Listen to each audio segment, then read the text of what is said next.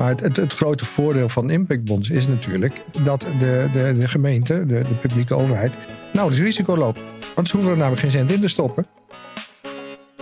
Welkom bij Money Matters, een podcast van Social Finance NL, waarin geld en impact centraal staan. Door in gesprek te gaan met politici, investeerders, filantropen, banken, sociaal ondernemers en andere specialisten, proberen we antwoord te krijgen op de vraag hoe je sociale impact het beste kunt financieren. Hi en leuk dat je luistert naar Money Matters. Ik ben Ruben Koekoek, Social Finance NL en vandaag als co-host... Sandra Bally, social entrepreneur van C-Talent, C-Taste en de Sign Language Coffee Bar. En betrokken bij Social Finance als raadgever. Fijn dat je er weer bent. Ja, ik vind het ook een heel leuk onderwerp om hier vandaag uh, bij te zitten, Ruben.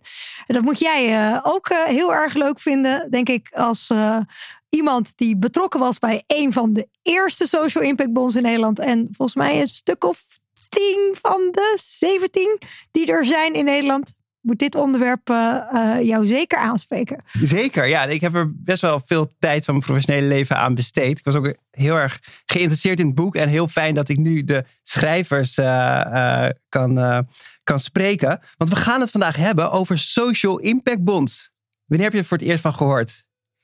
Wanneer heb ik het voor het eerst van gehoord? Ik denk bij het Um, Oeh, goede vraag. Wanneer heb ik voor het eerst gehoord? Eigenlijk al heel lang geleden. Ik denk, jij werkte nog bij ABN AMRO. Um, en ik denk dat er toen een artikel uitkwam als een van de eerste social impact bonds, waar ook Start Foundation bij betrokken was. En dat ik daar voor het eerst een keertje over heb gehoord. Toen nog niet verder echt iets mee gedaan. Dat kwam pas een uh, stuk later. De Business Club in Rotterdam. De Business Club, yes. En je bent zelf ervaringsdeskundige, mag ik je zo noemen? Ja, ik ben absoluut geen expert, maar wel een ervaringsdeskundige. Uh, als een van de deelnemers van het uh, Brabant Outcome Fund. Kijk, en Sandra, wil jij de eerste gast introduceren? Dat vind ik hartstikke leuk. Niet één, maar twee. Twee doorgewinterde journalisten dit keer. De een begon zijn carrière als verpleegkundige en belandde daarna bij de Goudse Courant, waar hij het journalistieke vak onder de knie kreeg. Na een periode als correspondent in Latijns-Amerika bleef hij over internationale onderwerpen schrijven. Maar hij richtte zich ook steeds meer op onderwerpen als management, innovatie, personeelsmanagement en jeugdzorg. Inmiddels specialiseert hij zich vooral in grote producties zoals boeken, bladen en websites. En onze tweede gast startte zijn carrière als politicoloog en werkte veel in het buitenland voor onder andere Oxfam Novib en het ministerie van Buitenlandse Zaken. Hij schreef reisgidsen en produceerde jarenlang de KIT-landenreeks. Daarna richtte hij een communicatiebureau op milieu en ontwikkeling en was hij partner bij bureau Impact Reporters.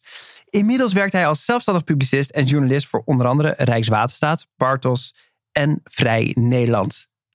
En vorig jaar besloten zij samen een boek te schrijven met de titel De belofte van de Social Impact Bond. Mag ik u voorstellen, Menno Bosma en Hans van de Veen. Welkom.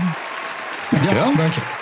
Leuk je te zijn. Ja, leuk dat jullie uh, onze gast zijn in een andere rol dan je normaal gewend bent, of niet? Ja, dat is wel even wennen. Uh, normaal gesproken uh, stellen wij de vragen en ben je sturend. En nu zijn we het slachtoffer van, van jullie vragen. Heerlijk om journalisten te interviewen. Loving it. We zijn helemaal ontregeld nu. En om maar meteen jullie een beetje uit elkaar te drijven. Menno, welke eigenschap van Hans heb jij ontdekt tijdens het intensieve proces van het schrijven van een boek? Uh, Hans is uh, behoorlijk gestructureerd en uh, precies.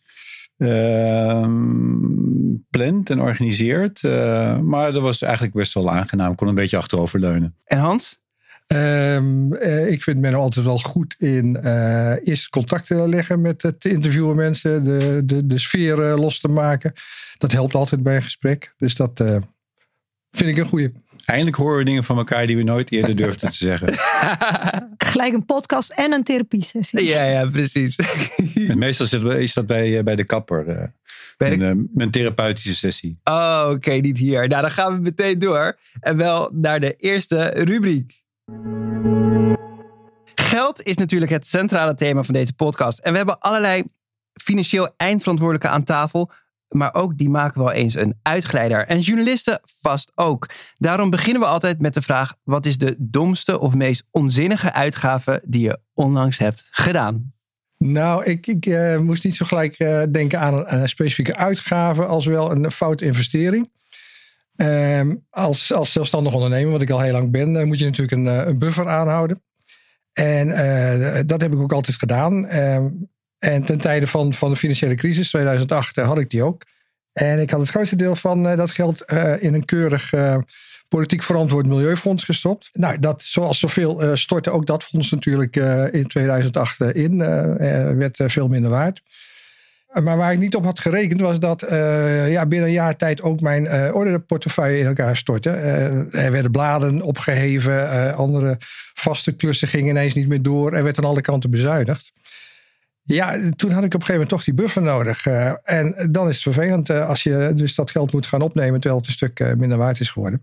Dus de les van uh, ja, uh, speculeer niet met geld wat je, wat je nodig kunt hebben, die heb ik toen wel geleerd. Buy high, sell low. Klinkt herkenbaar. en jij Menno? Ik ben heel diep in het kastje met onzinnige aankopen gedoken, maar ik kon zelfs het kastje niet meer vinden. Ik ben goed geïnformeerd opgevoed en dat betekent 32 keer kou op elke hap. Eerst een boterham met kaas en dan een boterham met, met jam. En nooit dingen kopen die je niet direct nodig hebt. Dus helaas, ik moet je teleurstellen. Je hebt geen enkele financiële uitgeleider. Ik heb hier het langst over nagedacht van alle vragen die jullie van tevoren bij ons in de week hadden gelegd. En echt een uur lang, net nog tijdens de lunch, mijn huis rondgelopen. Staat hier iets wat ik eigenlijk niet kan gebruiken? Ik heb het niet kunnen vinden, sorry. Hebben de meest verantwoorde gast vandaag. Het maakt mij voor sommige mensen tot een hele interessante partner, voor anderen weer helemaal niet. Ja, ik heb er al zeven opgenoemd de afgelopen uh, uh, serie. Um, noem, noem, noem, de ergste nog eens, uh, Ruben. Nou, de, dat komt bij het. De tiende aflevering wordt een terugkijkaflevering. Dus dan gaan we ze allemaal opnoemen. Waar ik vandaag wel aan dacht, is eigenlijk dat, dat, dat 90% van klanten zijn eigenlijk heel laks. Dus als je bij die 90% hoort, dan vergooi je überhaupt geld. En volgens mij pas jij, hoor jij er ook wat. Bijvoorbeeld, jij hebt de NRC, hoorde ik net. Nee, die eh, lees ik bij mijn uh, geliefde. Oh ja, dat is dat. Nou, dat is ik dat, ja, jij maakt gewoon geen uit. Nou, de Volkskrant. Daar hebben we eeuwig fitty over. Over uh, onze kranten. En jij houdt dus niet van de Volkskrant? Nee, ik, ik, ik heb de Volkskrant, dus zij heeft NRC. Als ik bij haar ben, dan lees ik dus de NRC. Oh, oké. Tandenknarsend. En als zij bij mij is, uh, leest zij tandenknarsend de Volkskrant. Okay. En we hebben altijd wel wat uh, aan te merken op de krant van de ander. Ja, ik heb dus de, de Volkskrant uh, opgezegd, omdat ik niet tevreden was. En dan krijg je opeens enorm veel aanbiedingen. Dus 20%, 30%, allemaal kortingen. Dus eigenlijk die, die, die trouwe klant wordt gewoon elke keer belazerd. En als je maar genoeg switcht met kranten of creditcarden of energierekeningen ja, dan bespaar je ontzettend veel geld. Goeie tip. Dus mijn, mijn uitgeleider is, is loyaal zijn. Qua, qua, qua consument dan, hè? In deze podcast zijn we op zoek naar antwoorden op de vraag hoe sociale impact het beste gefinancierd kan worden. Een mooi voorbeeld daarvan is de Social Impact Bond, waarbij privaat geld kan worden ingezet om een maatschappelijk vraagstuk te financieren. De formule is inmiddels al meerdere malen toegepast, vooral in het Verenigd Koninkrijk, maar zeker ook in Nederland. Menno, kun jij aan de luisteraars toelichten hoe een social impact precies in elkaar zit? Het is een vorm van uh, publiek-private samenwerking. Uh, meestal de, is de publieke partij in Nederland althans een, uh, gemeente. Die zit met een maatschappelijk vraagstuk. Bijvoorbeeld de integratie van statushouders. komt daar zelf niet uit. Schakelt dan een private investeerder in. Die wil betalen voor een innovatieve oplossing. Uh, die, vervolgens wordt er een uitvoerder bij gehaald die die oplossing uh, realiseert. Uh, meestal een onorthodoxe oplossing. Door een sociale onderneming gerealiseerd. En de investeerder die loopt daar risico bij. als hij, als hij en die uitvoerder de zaak weten, tot een goed einde weten te brengen, dan krijgen ze hun geld. En lukt dat niet, dan kunnen ze naar fluiten. Hey, en ik krijg vaak de vraag: het is toch eigenlijk gewoon een veredelde subsidie? Uh, nee, want bij subsidie uh, kun je je geld uh, houden. Ook, dan heb je eigenlijk een leveringsplicht, een ins inspanningsplicht. En in dit geval heb je een resulta resultaatverplichting. Dus loop je risico als investeerder. Een doel van jullie boek is het aanwakkeren van het debat over deze vorm van publiek-private investering. Aan de hand van een aantal stellingen gaan Sandra en ik vandaag een klein beetje dit debat met jullie aan. Laten we beginnen met de eerste stelling. De Social Impact Bond moet transparanter. Ja, dat is eigenlijk een, uh, een van de belangrijkste conclusies die we getrokken hebben. En, en toen we uh, gezamenlijk aan uh, onze speurtocht begonnen, verbaasde het ons eigenlijk dat er helemaal geen maatschappelijk debat was over het feit dat er ja, toch toen al 14, 15 social impact bonds in Nederland draaiden. Of enkele waren al afgesloten zelfs. Met iets waarvan als je dat aan, aan, aan je vrienden of kennissen vertelde, uh, toch al snel de reactie was van hallo, uh, moet dat wel? private investeerders die in de publieke sector investeren. Dus het ontbreken van een maatschappelijk debat was echt wel iets waar we ons over verbazen. Dus dat, dat was het uitgangspunt bij, bij ons onderzoek. nou, we willen gewoon weten, is, is dit nou een zinvolle aanvulling, social impact bonds, een zinvolle aanvulling op het instrumentarium in de publieke sector? Of is het ja, uit de bocht geschoten marktdenken iets wat je helemaal niet zou moeten willen? Maar dan moet je dus eerst weten wat er gebeurt. Dus zelfs gemeenteraden tasten vaak in het duister over wat er uh, binnen SIPS in hun eigen gemeente gebeurt omdat uh, alleen het college van BNW erover gaat en de zaak helemaal niet voorlegt aan de gemeenteraad. Hooguit vindt er een keer wat, wat informatievoorziening plaats in een raadscommissie. Maar meestal beslist de gemeenteraad er niet over. Dus in die zin wordt het ook weggehouden uit het uh, publieke politieke debat. En, en, wat zit daarachter? Ik denk verschillende dingen. Um, um, uh, kijk, uh, de investeerders, investeerders zijn over het algemeen gewend om in contracten um, allerlei non-disclosure bepalingen op te nemen. zaken die niet in de openbaarheid mogen komen. Die eis stellen ze ook in de onderhandelingen met, met een gemeente als er een social impact bond wordt afgesloten. En gemeentes, vaak ja, vrij onbekend met het fenomeen, of voor het eerst dat ze zoiets doen, zijn geneigd daar uh, makkelijk in mee te gaan. Uh, dat, dat is denk ik een probleem. Uh, want dat betekent dus dat heel veel niet naar buiten mag komen. En dat hebben wij ook gemerkt in, toen we alle impactbonds in Nederland op een rij wilden zetten. En, en zoveel mogelijk feitelijke gegevens boven water wilden halen. Ja, dat heel veel was toch lastig te traceren aan, aan investeringen, aan resultaten, aan wat precies de van tevoren afgesproken rendementen waren. Zelfs de doelstellingen waren soms moeilijk boven, boven tafel te krijgen. En als je een soort guideline zou moeten geven, dit zou absoluut transparanter moeten. Welke variabelen heb je het dan in eerste instantie over? Nou, op zijn minst eh, de doelstellingen. Wat, wat er, wordt er precies eh, beoogd?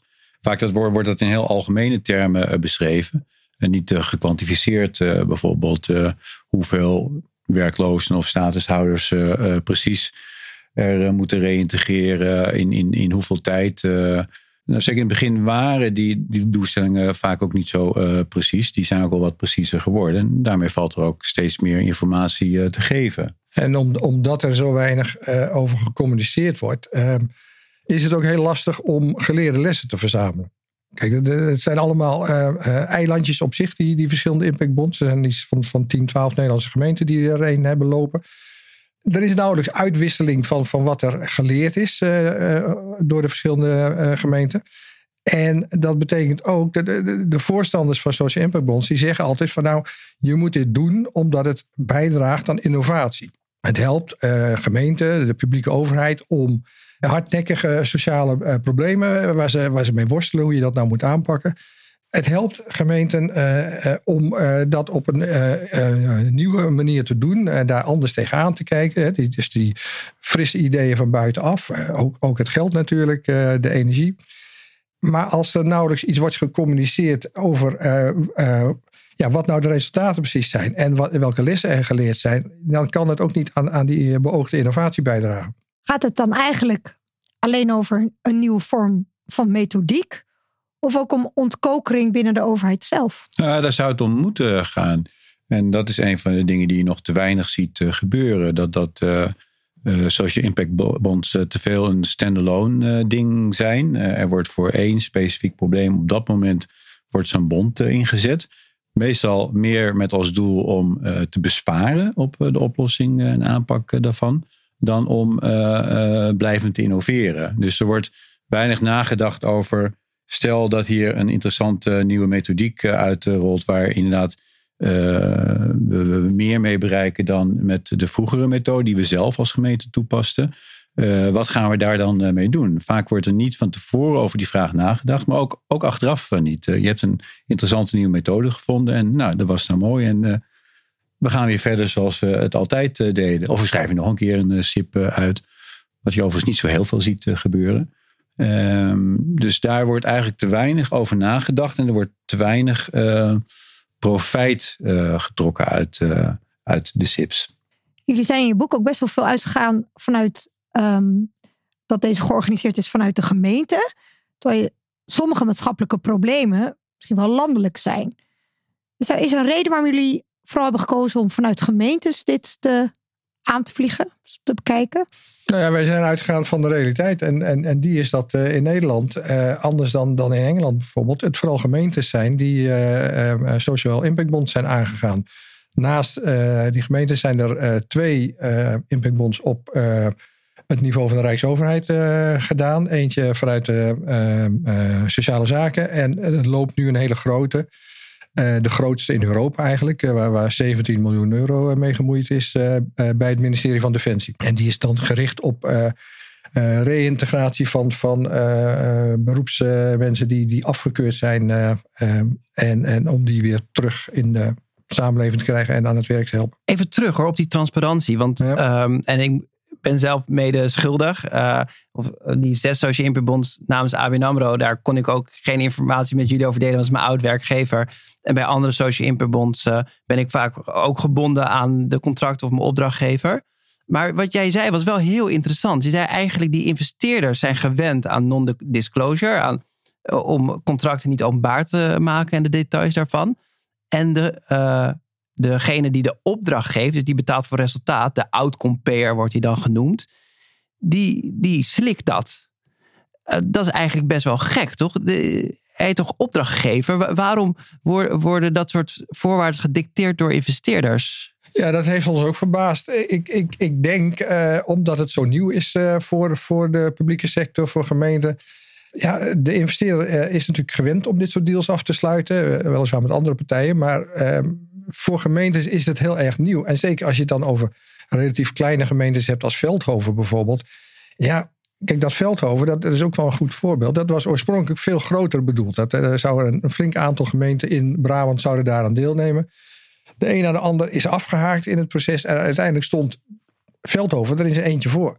Ja, dan, dan uh, sta je als gemeente die nog nooit zoiets gedaan heeft, niet zo heel sterk natuurlijk tegenover uh, die investeerders. Waarvan de tweede, die uh, per se anoniem wilde blijven gedurende het proces, nu uh, de Impactbond onlangs beëindigd is, bekend is geworden dat het ING was. Die heeft er natuurlijk een half miljoen ingestopt, maar die willen er absoluut geen publiciteit over hebben. Die vinden het me heel eng. Dus die, het is ook een van de weinige partijen die ons niet te woord heeft gestaan. Ja, ik heb zelf gedeeld slachtofferschap. Ik heb zelf iets geschreven over Sofie Impactbond toen het vijf jaar bestond. En wilde ik alle impactbonds in kaart brengen. En Veldhoven dreigde zelfs met juridische stappen als ik iets over hun schreef. Dus ik, uh, I feel your pain.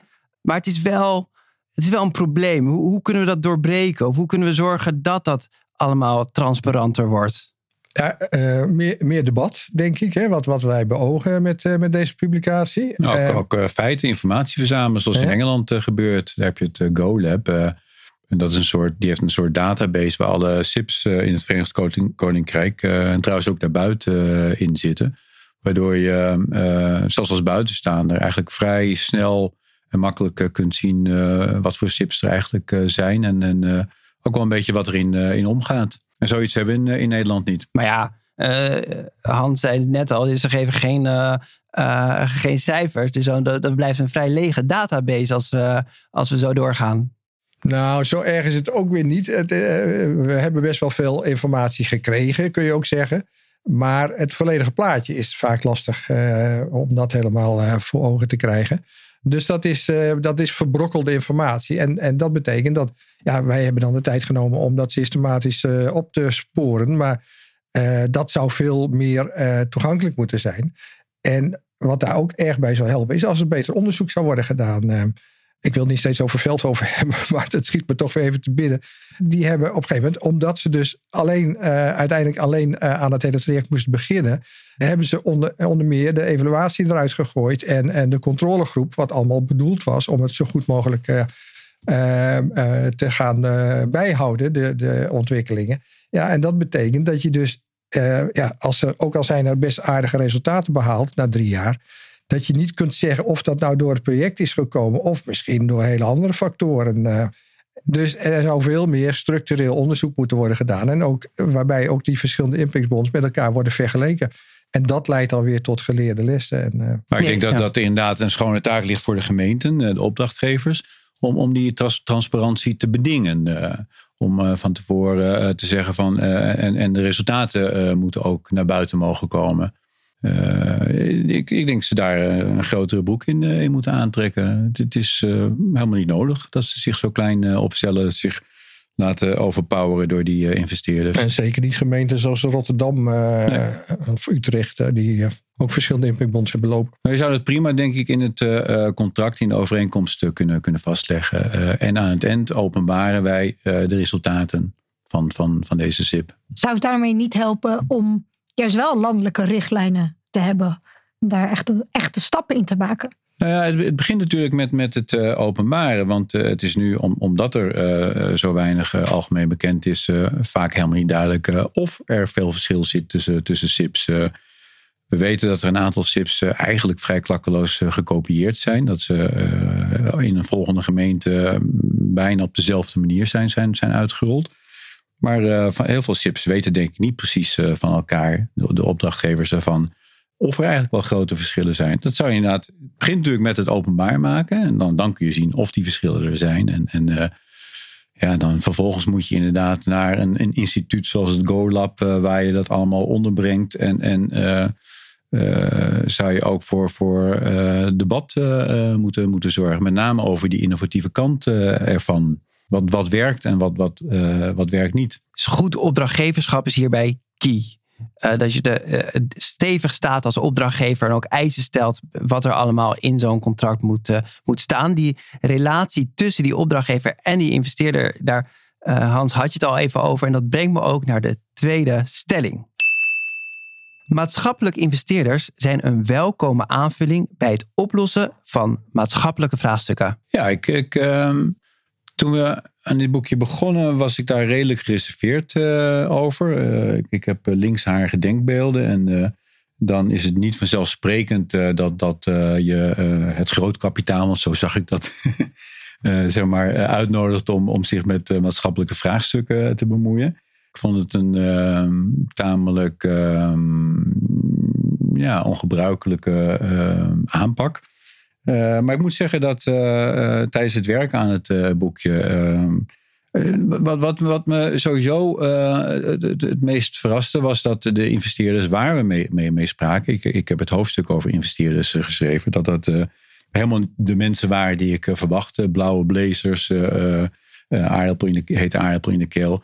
Het waren heel uh, sociaal uh, betrokken uh, mensen die, die, die ook dicht bij de samenleving en, en de noden in de samenleving bleken te staan. Dus ehm, dat verrast me al heel erg.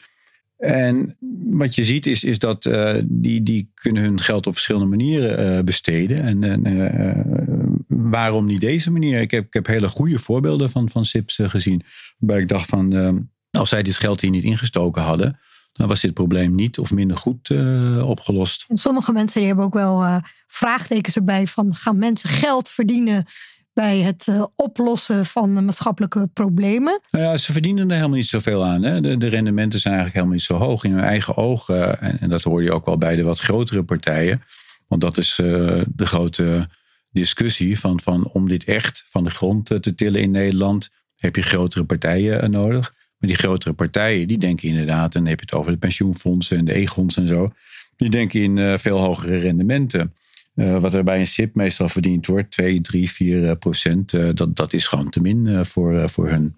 Maar dan moet je dus inderdaad hebben van dit soort familiefondsen of start- of oranjefondsachtige instellingen. Die, die, die nemen daar wel genoegen mee. en die, die, die zijn dus niet primair gericht op op uh, rendement. En, en, denk je dat uiteindelijk social impact bonds uh, naar die grotere, meer reguliere investeerders uh, toe moeten groeien? Of denk je dat het juist een plek is voor die maatschappelijke investeerders zoals Oranje Fonds of andere vermogensfondsen met een maatschappelijke rol? Ja, ik denk dat dat, uh, dat laatste, hè, dus de, de, uh, de impact-investeerders, de, de, de fondsen, uh, dat die in deze fase wel de voor, het voortouw moeten nemen. Dat, dat doen ze ook. Het, de gedachte dat de, ehm, die institutionele beleggers dat die instappen, ja, dat is best een mooie droom. Maar vooralsnog zie ik dat nog niet zo snel gebeuren. Dat heeft met, met die rendementen te maken. Ja, de rendementen zijn gekoppeld aan, aan, aan risico's eh, die men ziet. En uh, ja, de risico's hiervan, uh, die zijn nog steeds uh, vrij groot. Ook al zijn er dan 15, 16 van die impactbonds in Nederland geweest. Het is nog maar, toch maar een los geheel. dus om daarin te stappen met je, met je geld, dat, dat is, heeft een, een hoog risicogehalte. En ehm, dat, dat bezwaar geldt een stuk minder voor dus de, de, de fondsen waar we het net over hadden.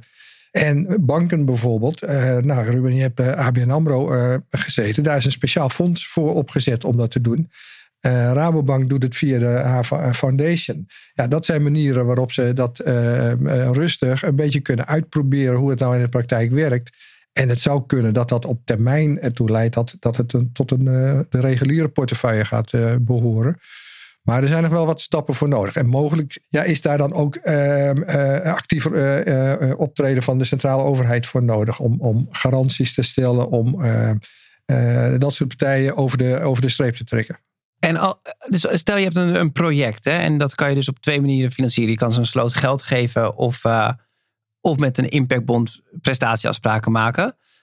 Waar in het proces denk je van, nou, daar is het echt fijn om die investeerder bij te hebben? Selecteer je betere projecten? Kunnen ze dat beter? Of zijn ze strenger in de uitvoering? Zeg maar, waar, waar zeg je van, nou, daar hebben ze een, duidelijke toegevoegde waarde? Ik denk wel resultaatgerichter denken dan uh, de gemeenten. Uh, gemeentelijke organisaties zijn vaak heel erg taakgericht. En het gaat natuurlijk om dat je resultaatgericht bent. En ik denk dat zij ook meer voelhorns in, in, in de markt hebben. Uh, dus eh, meer contact met, met uh, bedrijven, uitvoerders die, die zo'n bond succesvol tot, tot, een, tot een eind zou kunnen brengen. En, en, en de deal zelf maar dat is tegelijkertijd denk ik ook het nadeel dat, dat eh, de gemeente daar dus in overpowered eh, wordt. Eh, dat de investeerder erg veel invloed heeft op hoe de deal precies wordt gesloten. Maar het, het, grote voordeel van impactbonds is natuurlijk dat de, de, de gemeente, de, de publieke overheid, nauwelijks risico loopt. Want ze hoeven er namelijk geen cent in te stoppen. Ze kunnen rustig achteroverleunen nadat het project in de stijgers is gezet die uitvoerder uh, uh, het werk laten doen. de investeerder legt het geld op tafel om het project mogelijk te maken. En pas achteraf wordt er afgerekend met, met de gemeente. Dus dat, dat maakt het mogelijk voor een publieke overheid om te experimenteren zonder het risico dat dat fout gaat en, en gelijk tot allerlei enorme toestanden leidt en tot kamervragen en weet ik veel wat. Dus op zich is het een hele uh, interessante manier om uh, te experimenteren en uh, te zoeken naar efficiënte en innovatieve manieren om sociale problemen aan te pakken. Zouden gemeenten en andere overheden hier niet ook een stuk effectiever mee kunnen worden? dat, dat is de gedachte. Dat als het op die manier kan bijdragen aan innovatie van, van de publieke sector, dan, dan is dat fantastisch. Maar het innoveren dat gebeurt dus gewoon nog te weinig. Wat je bijvoorbeeld zou kunnen doen, is dat je binnen een SIP verschillende aanpakken eh, uitprobeert. Dat gebeurt in Engeland eh, wel. In Nederland eh, eigenlijk niet. Er wordt meestal voor één aanpak gekozen. En je ziet dan ook nog eens dat die aanpak bij andere SIPs weer gekopieerd wordt. En dan schiet het qua innovatie schiet het dan natuurlijk niet zo op. Missen we eigenlijk nog de visie in Nederland? Op dit ja, de durf denk ik. De durf. De durf om te innoveren. Dat zit nog niet heel diep in het gemeentelijke DNA. Al lees ik wel uit jullie boekje dat Nederland een van de koplopers is in continentaal Europa. Ja. De derde van, eh, van de wereld zelfs bij aantallen SIPs. Maar wat je dus ziet is dat die SIPs in Nederland uh, heel erg in hetzelfde stramien uh, zitten. Het is bijna allemaal gericht op toeleiding naar werk. nou lijken ze ook nog eens redelijk op elkaar. Terwijl bijvoorbeeld in, in Engeland, de koploper, de diversiteit aan SIPs veel en veel groter is. Er worden veel, wordt een veel bredere range aan onderwerpen uh, bestreken. Uh, daar gaat het ook om, om uh, stervensbegeleiding, zelfstandig reizen met het openbare vervoer, ehm, veel meer sociale onderwerpen, bestrijding van eenzaamheid. Best, best heel lastige onderwerpen. Van, van, van tevoren helemaal niet zeker is dat je daar resultaat mee, mee boekt. En dat, dat, durven ze wel aan in Engeland. En vaak combineren ze het ook met toeleiding naar werk. En dat is wel een beperking van de meeste Nederlandse projecten, zeker in het begin. Dat het echt puur ging om het krijgen van het baantje. Uh, terwijl er bijvoorbeeld niet uh, werd gekeken naar uh, hoe voelen die deelnemers zich nou eigenlijk. draagt het bij aan hun maatschappelijk welbevinden. En dat is iets wat ze in, in Engeland beter doen. Die, die, die SIPs zijn vaak wat ambitieuzer en veelzijdiger wat dat betreft. Dus in Nederland is nog veel van, heeft iemand heeft iemand een baan en bespaart een gemeente daardoor uitkering. En Dan in wordt Engeland, een vinkje gezet. Ja, ja en in Engeland doel gehaald. meer van hey, wat heeft de doelgroep nodig en gaat het dan beter met de doelgroep? Ja. Het, het, was, denken wij, niet voor niks dat de groei in Nederland uh, van de impactbonds ongeveer gelijk viel uh, met, met de decentralisatie uh, die er plaatsvond van het openbaar bestuur. En gemeenten al heel snel zagen van, oh jee, wij, wij, komen zwaar in de problemen. Oh, nou dan is het misschien dit wel een mooie manier om dat aan te gaan pakken, om dit uit te besteden. En dat heeft heel erg geleid tot, tot die focus op, uh, op, op werk, op uh, mensen aan het werk te helpen. Maar we zien wel de laatste jaren een verschuiving. Er is, er is meer ruimte om ook andere onderwerpen aan te pakken, zoals het Sociaal Hospitaal in Den Haag, die zich richt op multiprobleemgezinnen, op gezondheid. zo zijn er meer voorbeelden nu. En, en dan zie je ook dat het niet alleen de, de reguliere investeerders zijn die daarin geïnteresseerd zijn, maar voor, bijvoorbeeld ook de zorgverzekeraars. Die hebben daar natuurlijk een belang bij uh, om, om uh, voor goede preventie te zorgen. Uh, dus die, die, die doen daar aan mee. En dat is natuurlijk een hele interessante ontwikkeling. Wat mij ook triggerde, dat je zei van, van die risicoperceptie. Dat je eigenlijk risico wegneemt van de overheid. Dat je risicovrij kan investeren. Want de investeerder dat overneemt. Daar zit dan wel de aanname bij dat je dus de resultaten goed kan meten. En dat ook goed uh, meet. Dus dat je een onafhankelijke meting hebt en een benchmark. Dus dat je weet wat er was gebeurd als je het niet hebt uh, gedaan. Maar in de ogen van een, een, wethouder of zo, als je kijkt naar de risicoperceptie van een, een, een wethouder of een minister kijkt. En je denkt, ik wil risico verminderen. Is dan niet de oplossing om minder te meten? Want als je gewoon een subsidie geeft en je meet niet wat het effect is, ja, dan kan je gewoon op de foto staan en zeggen hoe geweldig je uh, de problemen in je stad oplost. En juist door dingen, hoe meer je meet, transparanter je misschien ook wel bent, hoe risicovoller het is voor de carrière van een ambtenaar of een wethouder of, of wie dan ook. Dat hebben we ook ergens uh, gezegd. Het is, uh, je, kunt stellen dat, dat alle betrokken partijen er eigenlijk belang bij hebben om uh, heel enthousiast te roepen dat het allemaal fantastisch gelukt is. Ze hebben allemaal hun eigen belang daarbij. Ja, dus dan zullen er andere partijen, ehm, eh, zoals onderzoekers of, of, journalisten of wie dan ook, eh, daar toch kritisch naar moeten kijken. Het grappige is dat uh, in Engeland, ik wil het helemaal niet als voorbeeld stellen aan Nederland, want het heeft een hele andere maatschappelijke inrichting, die we hier zeker niet klakloos moeten kopiëren. Maar ehm, je ziet wel dat die SIPs die wat minder makkelijk af te vinken doelstellingen hebben, bestrijden van eenzaamheid bijvoorbeeld, dat die het eigenlijk best goed doen. Dus het hoeft helemaal niet ingewikkelder te zijn om iets anders na te streven dan uh, werklozen aan het, eh, aan het werk te helpen. Vaak als je je iets meer richt op impactvergroting vanuit een bepaalde doelgroep, in plaats van alleen maar snel directe kostenbesparing van een bepaald onderdeel, je ook op lange termijn een veel groter effect kan hebben. Uh, dat is natuurlijk wel een van, van de punten. Uh, uh, waar het om draait. Uh, en wat, wat ook verklaart waar, waarom het uh, zo gaat in, in Nederland. Een SIP loopt meestal een paar jaar. En er wordt dus gekeken naar de, de, de effecten binnen dat, dat tijdsbestek. hoeveel werklozen zijn er aan werk geholpen binnen die zeg drie jaar. Terwijl als die, die mensen bijvoorbeeld ongelooflijk ongelukkig worden van het baantje wat, wat ze krijgen uh, kakken ze daarna misschien weer helemaal in. En, en uh, gaan ze een enorm groot beroep doen op. Uh, nou, ze worden weer werkloos of ze komen in de GGZ terecht. En dat zou, het zou kunnen betekenen dat op de lange termijn. de sociale impact van zo'n SIP juist negatief is. En ehm, met die aanpak in Engeland uh, uh, maak je dat risico, uh, dat, dat verklein je daarmee. En ik denk dat het heel goed zou zijn als, als die focus ook wat meer er zou zijn bij de SIPs in Nederland. We hebben het over Engeland, we hebben het ook over wat SIPs van elkaar kunnen leren. Dat brengt mij naar de derde stelling. Outcome funds zijn de toekomst. Hans. Ja, dat, zo hebben we het wel uh, geformuleerd. Um, kijk, het, ligt ook wel voor de hand. Um, als je dus zegt van, nou, social impact bonds hebben best veel potentie. Het is een interessant instrument, maar er zitten ook heel veel nadelen aan. Het, het is, iedereen die erover spreekt, die er ervaring mee heeft, klaagt van het is ontzettend ingewikkeld. En je moet juristen erbij halen, je moet het allemaal dichtspijkeren. En kost minstens een jaar aan voorbereiding.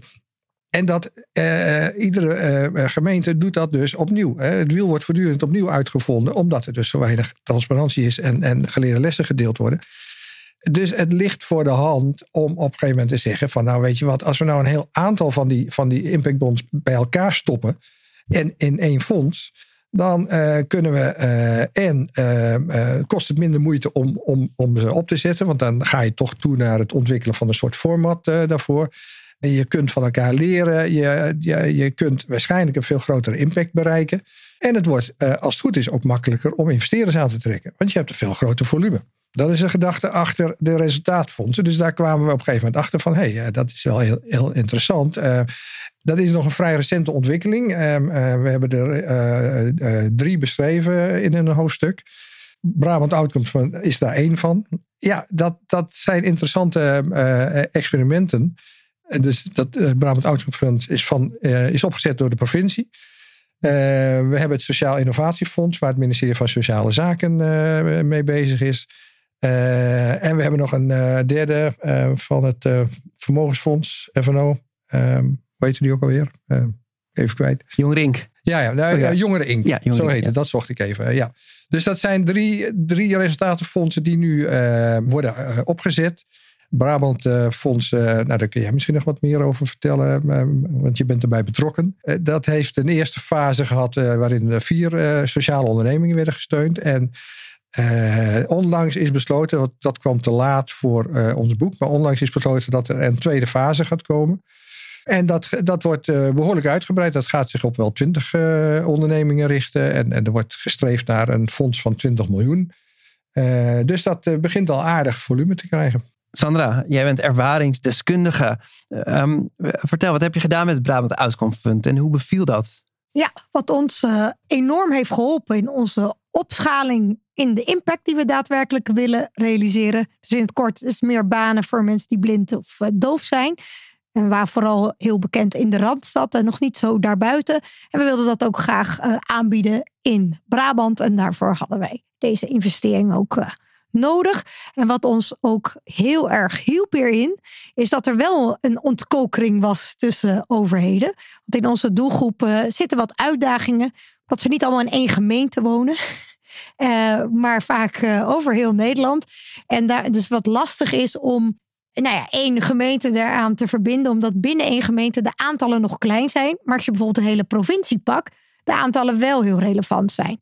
Uh, nou, dan heb je ook nog de uitdaging dat mensen in allerlei andere vormen van uitkering zitten. Zwaajong, via, bijstand. Of gewoon nugger zijn. Maar zeker een impact heeft als ze gewoon weer wel meedoen op de arbeidsmarkt.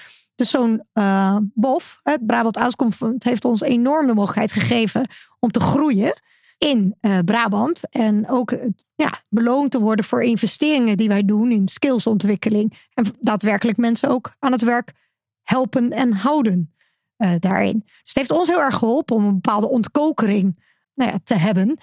Alleen ik denk ja, dat nu wel tijd is om ook een vervolgstap, hè, want dat is leuk, die SIP, maar als die afloopt, en dan? Dus dat is de vraag, want het is nog niet uh, vertaald naar een, um, een standaard. Dus ik hoorde hem ook net als kritiek als over het algemeen op uh, Social Impact Bond. Ik denk dat het een fantastisch middel is om innovaties op gang te krijgen. Maar het vooral relevant zou zijn om dan tijdens en na supergoed te evalueren. Wat werkt er daar goed aan? Wat kan misschien beter? Maar hoe kunnen we dit ook vervolgens um, als standaard gaan inrichten? Um, nou ja, en daar de juiste partijen bij kunnen verbinden. En uh, Menno gaf al aan hè, dat uh, in Nederland vooral focussen op directe besparingen. En dat het eigenlijk goed zou zijn als er breder wordt gekeken naar het welzijn van de doelgroep, daarop te meten en op uit te betalen. Is dat ook iets wat, wat in Brabant, uh, waar in Brabant stappen op is genomen? Nou, ik denk wel dat die ambitie uh, er is. Um, maar als je heel kritisch denk ik er doorheen kijkt, is met name wordt uiteindelijk afgerekend en gekeken naar de directe besparing op uitkeringen. En omdat wij verschillende doelgroepen hebben, is er gedeelte daarvan dekt dan ook de kosten van de groep die er eigenlijk niet toe hoort. En meten we ook wat extra variabelen om dat beter zichtelijk te maken. Maar uiteindelijk wordt er afgerekend nu nog alleen op uh, besparing van uitkering. Dus ik denk wel dat er eerste stappen nu hè, worden gezet in die denkwijze. En dat het ook wel nodig is, omdat het veel meer brengt dan alleen dat. Dus dat is, en ik ben niet de enige. Er zijn meer social entrepreneurs die een maatschappelijk probleem proberen op te lossen, die niet alleen maar in één gemeente speelt. En die met name effectief is als je hem wat op grotere schaal in kan zetten. Dus uh, nou, de tijd is rijp. En ik lees in jullie uh, boek over Engeland met het Life Chances Fund en het Innovation Fund. Portugal heeft een innovatiefonds met onder andere SIPS. En in Amerika is het zelfs wetgeving, de CIPRA Act, waarin resultaatfinanciering geregeld is. Hoe zien jullie dat in, in, in Nederland? Waar, waar staan we over, over acht, negen jaar? Is het dan tot bloei gekomen? Zijn er dan ook van die grote outcome funds? Ja, ik denk dat het erg afhangt van, van of een, volgende regering bijvoorbeeld uh, dat als taak voor zich ziet. we hebben nu het afgelopen jaren hebben staatssecretaris Van Ark was dat, toenmalig staatssecretaris. Die riep gemeenten op om zoveel mogelijk impactbonds op te gaan zetten. Maar dat was het. De, de, overheid speelde daar verder geen rol in. Die gemeenten moesten dat maar uitzoeken. Nou, daar zou, denk ik, en daar hadden we het net ook over met de provincie, daar zou de centrale overheid ook veel meer in kunnen stimuleren en een, een, een omgeving creëren waarin uh, dit soort experimenten veel meer uh, plaats kunnen vinden. Dus daar, ja, dat, dat is wel een belangrijke voorwaarde, denk ik. En maar als Van Ark dat gaat, die nu minister Medische Zaken ja.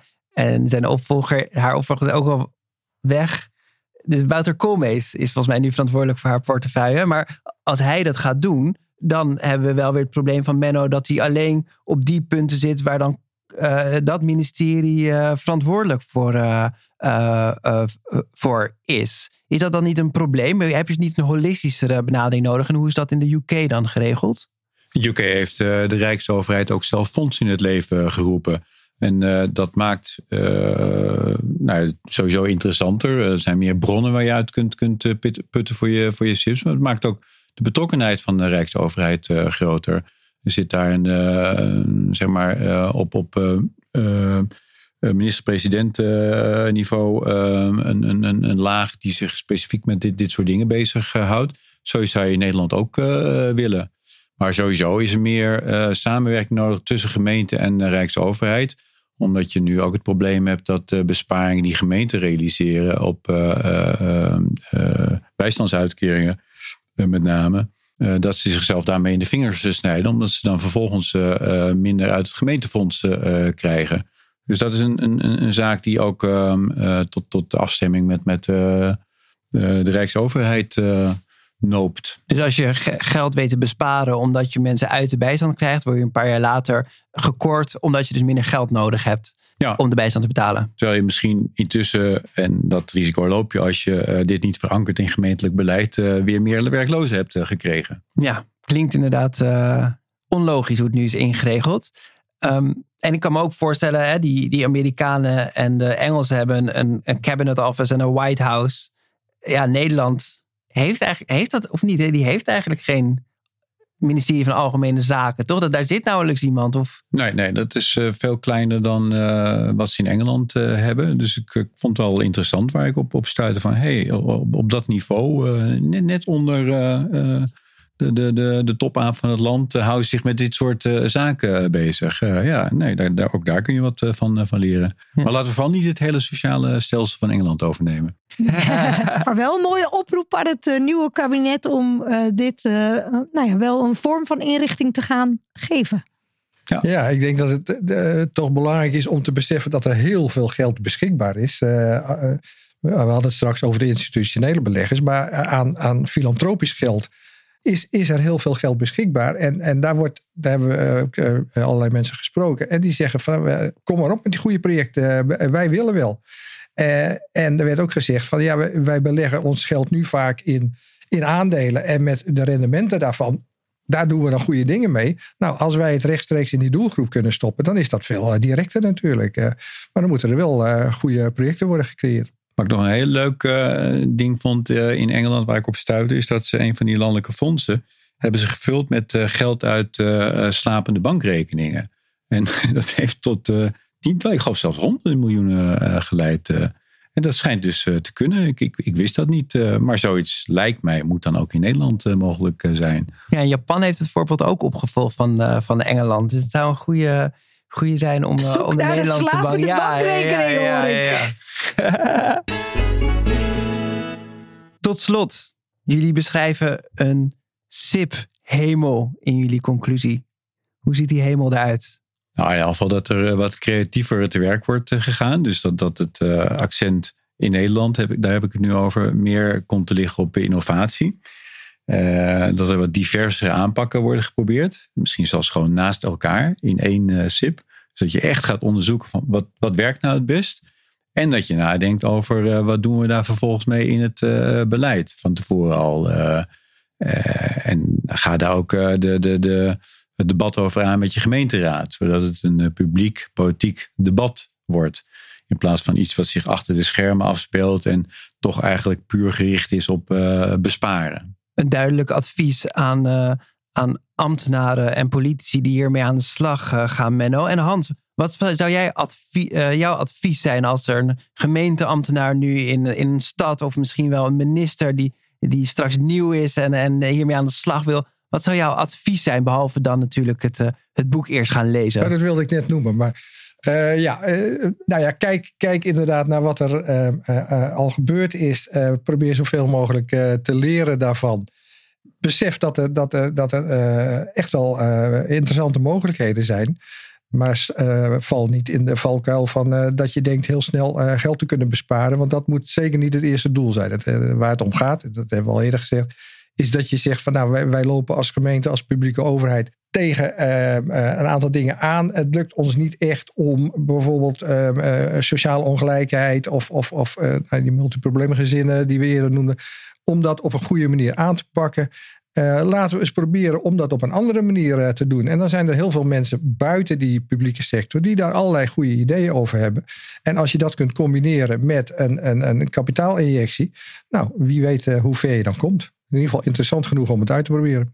Dat lijkt me een mooie afsluiter. Sandra, wat neem jij mee uit dit gesprek? Nou, sowieso meer lef in Nederland uh, is er nodig. En een, mooie oproep uh, aan het nieuwe kabinet. Ik denk dat het, het is tijd om de SIP groot te gaan maken in Nederland. En ik hoor alleen maar signalen dat het kan, maar dat we ook wat eerlijker en transparanter moeten zijn. En iets wat resultaatgerichter, breder dan arbeidsparticipatie. Mooie conclusie. Sandra, wat, wat is jouw favoriete boekhandel? Wie? Ja, dat is mijn buurman, uh, Jimmik. Jimmik, oh oké.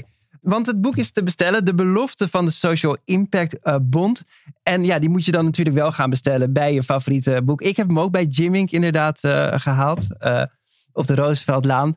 Um, maar um, ja, het is fantastisch om te lezen. Ook als je het onderwerp uh, niet goed uh, kent, is dit echt wel een prachtige introductie. Maar als je uh, Social Impact Bonds wel kent, is het ook voor, voor jou volgens mij en, en, voor mij ook, geeft het heel, heel mooi nieuwe inzichten. Dus de belofte van de Social Impact Bond. Bestel vooral bij je eigen boekhandel.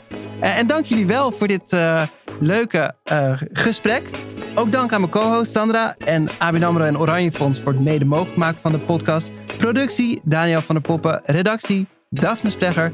En wil je niks missen van deze reeks? Abonneer je dan op je favoriete podcastkanaal. Dit was Money Matters. Graag tot ziens.